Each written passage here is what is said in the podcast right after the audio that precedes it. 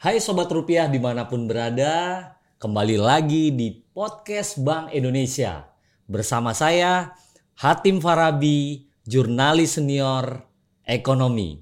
Dan saya tidak sendiri, saya bersama ekonom ahli Departemen Kebijakan Ekonomi dan Moneter Bank Indonesia, yaitu Om Alek Lubis. Atau biasa saya memanggilnya Om Alek.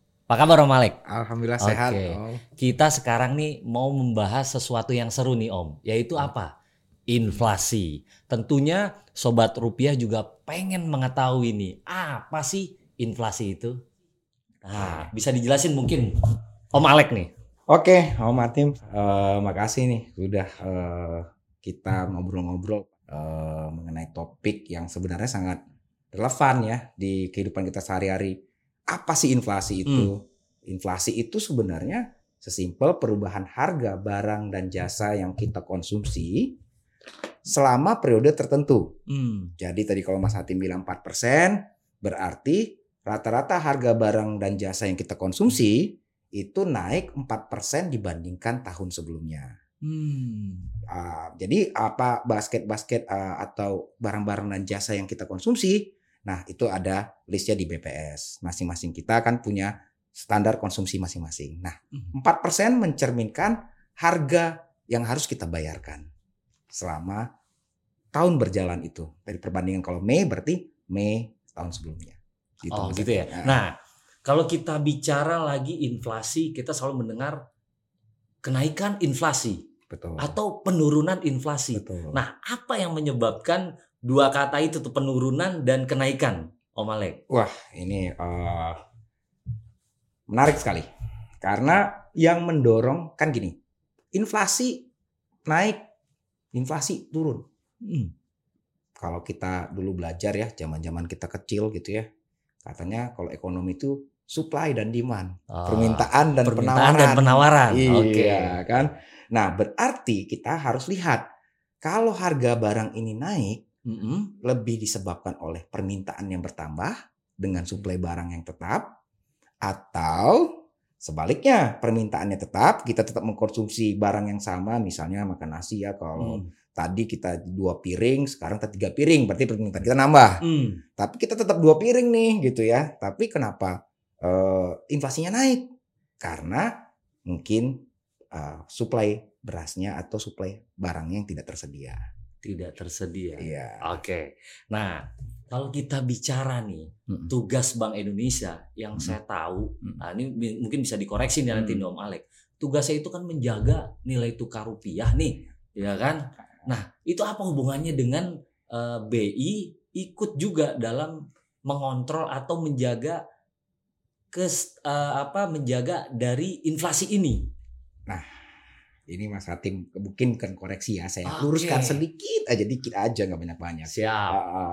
jadi kalau tugas Bank Indonesia itu sesuai dengan undang-undang kita adalah mencapai stabilitas nilai rupiah memelihara sistem pembayaran sorry maaf memelihara stabilitas sistem pembayaran Oke. dan turut menjaga stabilitas sistem keuangan dalam rangka mendukung pertumbuhan ekonomi yang berkelanjutan. Nah, stabilitas nilai rupiah ini ada dua aspek. Oke. Yang pertama dari sisi domestik, stabilitas rupiah terhadap barang dan jasa. dua komponen itu ya. Iya, itulah Oke. berarti inflasi. Baru kita bicara mengenai stabilitas mata uang rupiah terhadap mata uang lain. Itu tadi yang Hmm. Mas Andi bilang nilai tukar. Sehingga Bank Indonesia tugas utamanya memang menjaga stabilitas dua hal itu. Mau nggak mau nih ya, kan Mhm. kita ya harus menstabilkan inflasi. Harus menstabilkan inflasi. Iya. Nah, kita suka lihat nih Mm-mm. apa Om Alek nih, Mm-mm. inflasi diumumkan per daerah, Ya, ya kan? mm-mm. Dan tiap daerah selalu beda-beda nih. betul. Apa sih yang membedakan antar inflasi antar daerah itu sih? Eh, Om Alek mungkin bisa di breakdown sih apa namanya Iya. eh, perbedaan nih tiap Iya. daerah ini. Iya. Tadi kalau kita bicara antara hukum penawaran dan permintaan itu tadi. Iya, iya. Nah, ini nih, memang kita tuh tinggal di negara yang memang bisa dibilang cukup unik. Hmm. Negara kita kan kepulauan. Hmm. Sehingga karakteristiknya tuh bisa berbeda-beda antar satu daerah dengan, Dengan- daerah lainnya. Oke. katakanlah misalnya eh, beras itu kan produksinya misalnya ada di Jawa Barat. Jawa Barat misalnya ya. Kemudian, kemudian misalnya Jawa Tengah Jawa gitu Tengah. kan Basis nah ya. Berarti memang kondisi inflasi di sana pada saat periode-periode panen Hmm. tentunya kan akan eh, turun untuk inflasi berasnya. Oh, oke. Dan kalau misalnya di daerah-daerah sentra seperti di timur Indonesia Hmm. itu kan lebih banyak penghasil eh, perikanan. kanan. Oke. Nah, mereka berarti supply tadi yang katanya permintaan dan penawaran di dua komoditas itu akan berbeda. Hmm. Sehingga inflasinya tentunya juga akan berbeda. Akan berbeda. Iya, karakteristik ber- yang tadi antara dua daerah yang berbeda tersebut juga akan mendorong dua perbedaan karakter antar dua daerah tersebut. Termasuk kalau nggak salah kalau Kalimantan itu Mm-mm. kan di sektor pertambangan ya ya. Pertambangan misalnya. Itu juga beda lagi nih. Beda Jadi lagi. kalau di saat misalkan harga Hmm. eh, tambang lagi naik, Nah, berarti kan itu efeknya gimana itu Om? berarti kan secara permintaan saya punya banyak duit nih kan banyak Kalimantan buat saya minta banyak kan gitu ya tapi saya rasa kalau beras nggak akan minta banyak banyak kan makan kan segitulah masa makannya sampai bergoni-goni kan enggak ya Hmm. pasti makannya tuh ya tiga piringnya kenyang mantim kan Oke. Cuma artinya dia akan memperluas basket atau kita sebut dengan basket ya, itu memperluas pola konsumsinya. Nah, kadang-kadang ketika dia memperluas pola konsumsinya, barang-barang yang ada di situ stoknya terbatas. Hmm. Nah, itu yang kemudian menimbulkan kembali lagi inflasi. Itu yang tadi didorong oleh permintaan. Ketika pendapatan saya meningkat gitu kan ya, saya memutuskan untuk membeli barang lebih banyak. Nah, di tengah barangnya itu juga mungkin terbatas gitu ya. Nah, Mm-mm. itu yang inflasinya jadi naik di daerah tersebut. Nah, kalau kita bicara inflasi lagi tadi antara turun dan naik. Nah, kalau kita bicara negara nih, Hmm. bicara Indonesia, yang bagusnya seperti apa sih Om Alek nih? Inflasi itu apakah harus turun atau kadang-kadang harus naik atau harus di di di apa di titik seperti apa nih Iya. Om Alek nih? Iya, ini nih eh, juga yang aduh nih diskusinya menarik-menarik semua nih. ini eh, inflasi itu sebenarnya kata kuncinya sudah yang tadi kita saya sampaikan di awal, stabil. Stabil. stabil ya. Harapan kita itu inflasi itu stabil. Kenapa? Kita punya pendapatan. Kalau pendapatan kita itu katakanlah satu juta, Hmm. let's say ya, inflasinya itu bergejolak, Mm-mm. berarti kemampuan saya untuk mengkonsumsi dan melakukan investasi dalam hal ini menabung Mm-mm.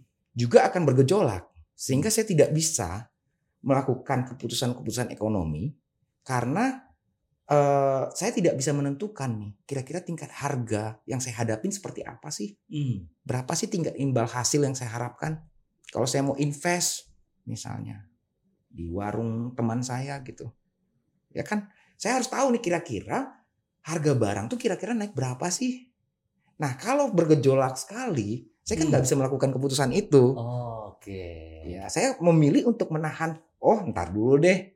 Hmm. Jangan kata gue mau invest. Jangan-jangan gue besok makan juga nggak tahu nih gitu karena terlalu bergejolak. Makanya kuncinya adalah stabil. Terlalu rendah juga nggak bagus. Gak bagus juga. Iya, nggak bagus. Oke. Kenapa? Kalau kita tahu, apalagi deflasi ya, Hmm. Apalagi deflasi. deflasi. Ini ntar katanya menarik lagi. iya, apalagi deflasi.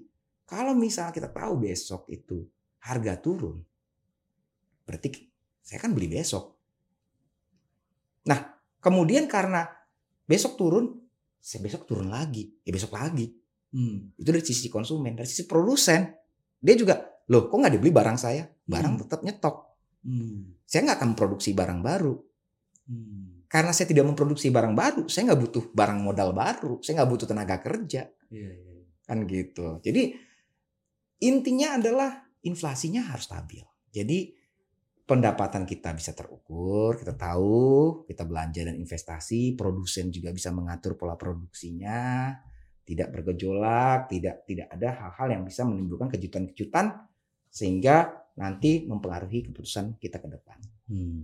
Itu kalau bicara itu saya ingat kalau biasanya itu pas di mau masuki hari raya nih. Ya, Termasuk hari raya Ya. Idul Fitri maupun di Ya, akhir tahun tuh. bener, Itu selalu tuh betul. apa ada banyak yang namanya gejolak harga yang tadi bi- dibilang sama Om Alek tuh. Iya. Ya, itu faktor ada orang yang banyak nimbun Betul. barang. Iya. Artinya permintaan di situ emang lagi tinggi tuh Om Alek ya. Betul, Dan daya betul. beli masyarakat juga lagi, Lagi ini, tinggi. lagi tinggi. Nah, Ya, nah itu gimana tuh cara untuk mengontrol itu tuh biar tadi kan dibilang bahwa apa mm. pasokan antara apa eh, kebutuhan pokok bisa terkontrol itu tuh. Kan kita susah juga nih mengontrol ini ya Om Iya. Ya. Ke- apa eh, inian masyarakat kan keinginan Iya. masyarakat. Nah, itu yang memang tadi saya juga belum eh, singgung bahwa bahwa dalam inflasi juga kan ada faktor musimannya Oh, kan ya. ada faktor musimannya. di mana eh, HBK eh, kalau kita nyebutnya HBKN ya hari besar keagamaan nasional Mm-mm. seperti kalau di kita itu lebaran, Lebaran, tahun baru, Tahun Natal, kalau di luar negeri biasanya Natal, tahun baru, Paskah, di akhir tahun ya. Iya. Nah, itu itu mereka biasanya atau ada eh, tahun baru eh, Imlek kalau di negara-negara Asia Timur. Hmm. Eh, itu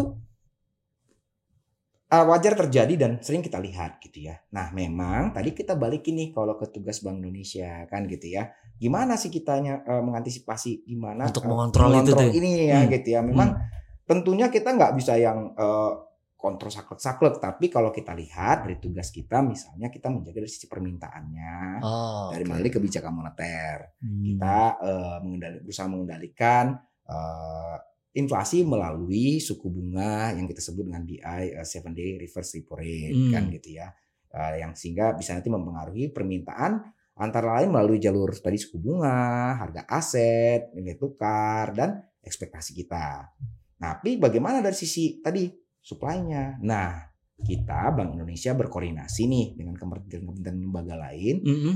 ada yang namanya tim pengendalian inflasi. Tim pengendalian inflasi. Iya. Saya kayak sering dengar juga iya, tuh. di tingkat pusat dan tingkat daerah. Tingkat pusat dan tim pengendalian inflasi Betul. pusat dan tim pengendalian inflasi daerah. daerah. Oke. Nah, di situlah kita melakukan koordinasi dan sinergi. Mm-mm. Nah, untuk misalnya bisa mengidentifikasi, kayak tadi kita kan udah cerita nih bahwa oh daerah ini penghasil ini, daerah itu penghasil itu. Hmm. Nah, di sini nih kita coba nih, kalau misalnya eh, daerah satu butuh apa gitu ya, kita koordinasi di sana. Kita butuh kebijakan apa Oke. ini? Nah, di tim pengendalian inflasi pusat khususnya dan nanti akan juga dilakukan di tim, pengendalian inflasi daerah, kita melaksanakan apa yang kita sebut dengan 4K programnya. apa itu? Kestabilan harga, Oke. ya kan? Kemudian eh, ketersediaan pasokan, Mm-mm. kelancaran distribusi, dan kemudian komunikasi.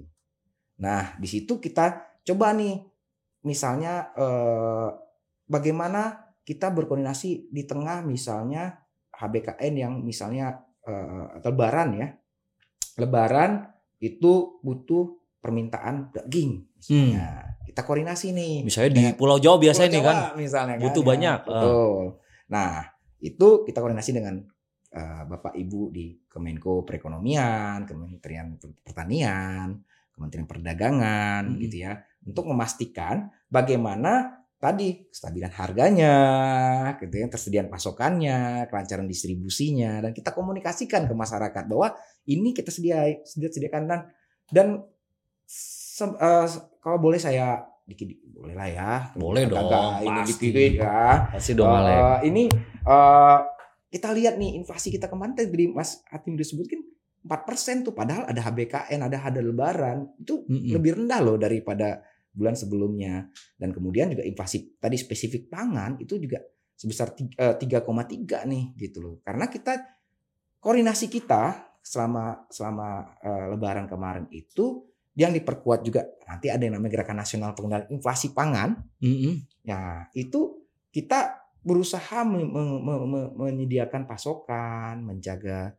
eh, eh, stabilitas harga tadi ya, pasokan, kemudian juga dis- distribusi yang lancar. Itu program baru atau udah lama tuh? Udah lama sebenarnya. Oh, udah lama.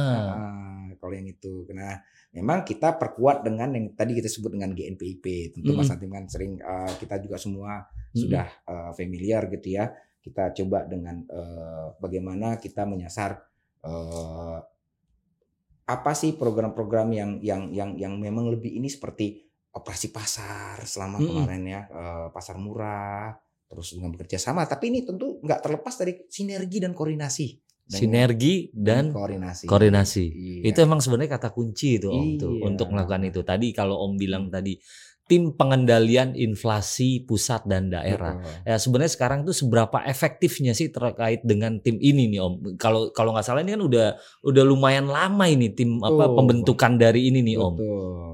Nah, ini yang memang kalau kita lihat kemarin kita menaikkan eh, eh, pemerintah menaikkan BBM bersubsidi. Oh, Oke. Ya, biasanya kan tuh udah langsung ke mana-mana Heboh. tuh inflasinya Heboh kan heboh kan. Mm-mm. Tapi karena kita tadi sinergi dan koordinasi dan kita lihat juga di lapangan dan kita juga rasakan gitu ya. Harga-harganya memang mengalami kenaikan pasti dong, nggak mungkin nggak. Tapi tidak seperti zaman-zaman Zaman dulu tuh. Iya. ya Pokoknya kan? tiap naik Betul. mau ada naik apa? Naik Hmm. eh, BBM BBM harga pasti harga Nah, bahan betul. harga bahan pokok tuh pasti ngeri Betul. banget tuh Om.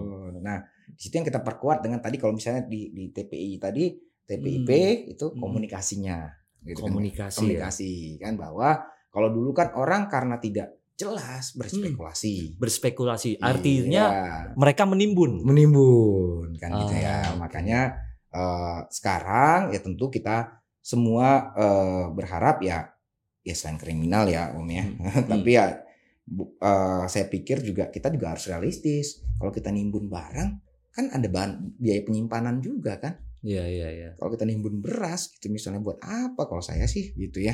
Tapi ya kita secukupnya gitu ya. Mm-mm. Kenapa saya juga bisa begitu? Karena saya juga paham apa yang yang di- dikomunikasikan gitu ya bahwa harga ini naik, kemudian kenapa naik, ini seperti ini gitu ya, kenapa ini gitu ya. Nah, itu yang memang tadi kalau kita tanya kita kembali ke ini ya udah tim pengendalian inflasi pusat dan daerah ini yang bekerja dengan eh, bersama-sama dengan sinergi dan koordinasi untuk eh, bisa harapannya me- menstabilkan inflasi kita, terutama dari sisi tadi supply-nya. Hmm. Nih Om, kalau kita bicara inflasi, pasti kan itu ada komponen pendorongnya yaitu harga-harga dari kebutuhan bahan apa kebutuhan bahan pokok ya Om ya. Betul. Nah, ini kalau kita kaitkan kalau ini saya saya saya lihat nih Om nih. Hmm. eh bela- mungkin 1 sampai 2 tahun belakangan ini kalau kita bicara harga kebutuhan pokok seperti kayak telur Hmm. itu kan stabil tapi stabilnya tuh stabil naik tuh Om. Iya. Gak stabilnya tuh di harga yang turun tuh. Iya. Nah, eh, itu sebenarnya ada efek apa sih Om yang membuat itu harganya di situ. Nah, kalau kita kaitkan lagi dengan eh, masalah perang Rusia dan Ukraina, itu ada ada efek enggak sih Om Iya. terhadap apa namanya kondisi eh eh, apa kebutuhan pokok di kita ini, terutama pangan itu Om? Nah, ini tadi eh, kembali lagi kita tuh memang kalau harga telur misalnya ya, Hmm. manteng aja 26.000 ribu Iya, misalnya. itu ya. dia tuh. Ya misalnya kan Hmm. kesian juga petaninya kan Hmm. gitu ya. Dia Minyak juga, ah, mi- mi- dia, dia dia dia memang tadi saya bilang harus ada kenaikan harga tapi yang stabil ya Ah. supaya memberikan profit juga buat buat produsen tapi kita juga sebagai konsumen tidak tidak tidak tidak tidak rugi gitu karena mereka juga punya tadi ekspektasi mereka juga harus mengelola produksinya gitu ya Eh, tentu mereka juga harus meningkatkan harganya untuk mengejar kebutuhan-kebutuhan mereka yang lain kan gitu ya. Sehingga ini yang kita jaga gimana caranya peningkatannya itu tidak melonjak-lonjak. Hmm. balik tadi ke kondisi ya benar sih eh, Mas Hati memang sekarang itu kondisi global juga cukup mempengaruhi perang Rusia Ukraina. Meskipun di kita itu kan secara umum pangan kita sudah dipenuhi dari domestik. Ya Hmm. tapi tentunya kita tidak bisa tidak seperti minyak kan gitu ada dampak dari sana kan gitu karena kita sesungguhnya masih impor juga kan minyak gitu kan ya.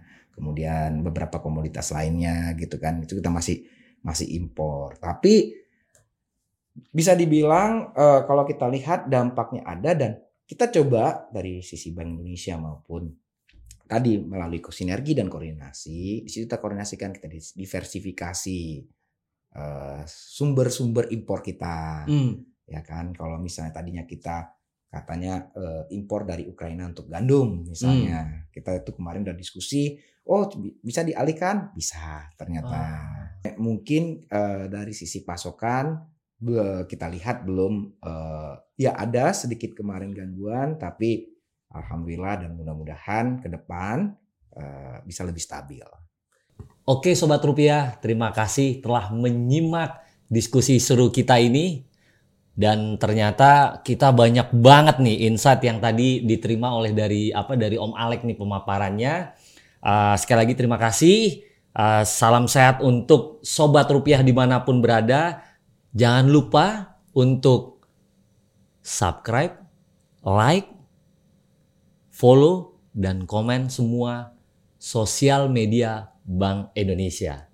Saya Hatim Farabi mengucapkan terima kasih. Jangan lupa untuk terus pantengin di episode-episode berikutnya.